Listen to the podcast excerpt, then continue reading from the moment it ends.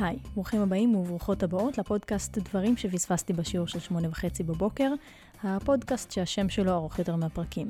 מבטיחה. בכל פרק נחשוף בפניכם נושא, סיפור או תיאוריה שאולי פספסתם. והפעם, הקשר בין כדורגל לבחירות.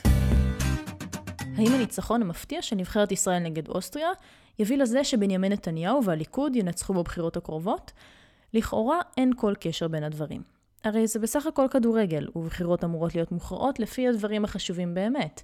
ביטחון, כלכלה, שחיתויות, אבל ההיסטוריה מראה שדווקא יש קשר, והוא אפילו יכול להיות מכריע. הטענה היא שניצחון מפואר של הנבחרת המקומית, או של קבוצה שמייצגת את המדינה במסגרת אירופית, מביא לגל של מצב רוח טוב בקרב התושבים, שגורם להם לחוש שלא כל כך רע להם תחת השלטון הקיים, ולהצביע למפלגה השלטת. הפסד, לעומת זאת, מביא לאפקט ההפוך ומחזק את מועמד האופוזיציה. הראשון שחווה את הקשר הזה על בשרו היה הרולד ווילסון, ראש ממשלת בריטניה לשעבר. ווילסון, איש מפלגת הלייבור, כיהן בשנות ה-60 הזוהרות, ומיצב את עצמו כראש ממשלה מעודכן, שמחובר לצעירים. הוא העניק לביטלס תארי אצולה, והוא גם היה ראש הממשלה הראשון שחשף בפומבי את אהבתו לכדורגל. התמזל מזלו לכהן במהלך תור הזהב לכדורגל האנגלי.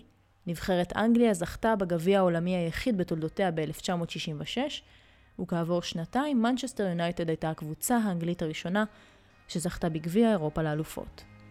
בשני המקרים, ווילסון הזמין את השחקנים למעונו, העניק תארי אצולה למאמנים, ובאופן כללי ניסה לתת לציבור תחושה שיש לו חלק בהישג. אלא שאז הכל השתבש. במונדיאל 1970, אנגליה לא הצליחה לשמור על התואר, והודחה ברבע הגמר אחרי הפסד דרמטי 3-2 לגרמניה. שלושה ימים לאחר ההפסד נערכו הבחירות. המפלגה השמרנית ניצחה, ווילסון הפסיד. הפרשנים בממלכה המאוחדת הצביעו על קשר בין הדברים, שכן ווילסון נחשב לראש ממשלה מוצלח, ולא היה הסבר ברור אחר לתבוסתו. 27 שנים עברו והגענו לבחירות 1997. הפעם המצב היה הפוך. השמרנים היו בשלטון במשך 18 שנים ברציפות, וכעת הלייבור היו באופוזיציה.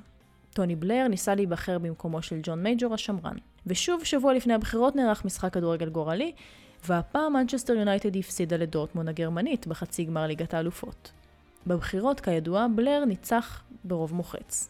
כאן ההשפעה הייתה יותר מורכבת. בניגוד לנבחרת הלאומית, שכולם שמחים בניצחונותיה ועצובים בהפסדיה, לקבוצות יש אוהדים ויש שונאים. לאחר הבחירות התפרסם במגזין כדורגל בריטי מאמר שניתח את הבחירות, וטען כי ההפסד לא השפיע על כלל הציבור, אבל כן השפיע בדיוק על קהל המתלבטים שבלר היה צריך לגייס כדי להטות את הכף. תושבי דרום מזרח אנגליה, שמזוהים כקולות צפים וגם כאוהדי מנצ'סטר יונייטד. המאמר אף העלה תיאוריית קונספירציה לפי המאמן המיתולוגי של יונייטד, אלכס פרגוסון, הידוע כתומך לייבור אדוק, הנחה את שחקניו להפסיד בכוונה במשחק כדי לנצח בבחירות. נתקדם עוד 19 שנה קדימה, ל-2016, ולמשאל העם הדרמטי על תוכנית הברקזיט. העיתון דיילי טלגרף ניתח את ההצבעה של מחזיקי מנוי לקבוצות כדורגל ומצא נתון מעניין. בקרב רוב מוחץ, 18 מתוך 20, של קבוצות הליגה העליונה באנגליה, הפרמייר ליג, נמצא כי מרבית האוהדים הצביעו בעד הישארות באיחוד האירופי.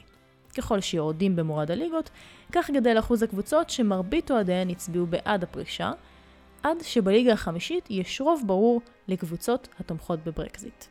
המסקנה, אם הקבוצה שלך מדשדשת בליגה נמוכה, כך גדל הסיכוי שתהיה מתוסכל מכל האירופאים האלה שגונבים לנו את העבודות. בארצות הברית נערך מחקר שניסה לבדוק את התופעה בכלים מדעיים.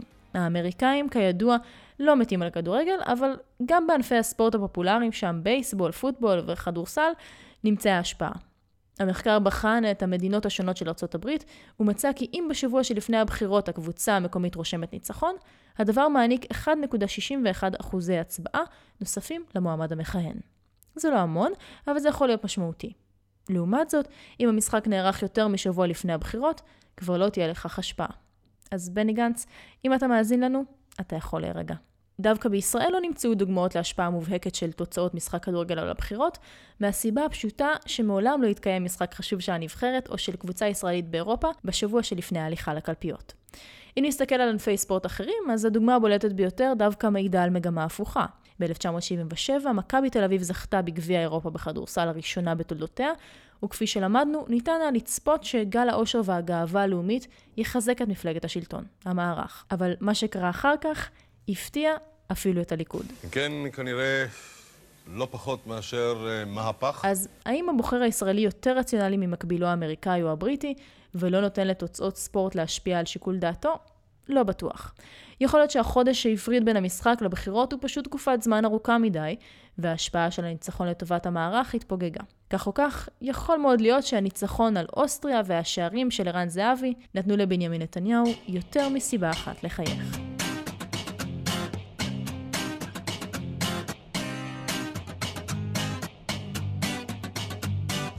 זה היה עוד פרק של דברים שפספסתי בשיעור של שמונה וחצי בבוקר. תודה רבה לכם שהאזנתם.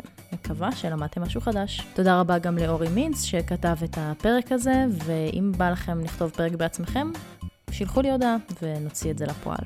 אני מיכל פורת, להתראות בפרק הבא.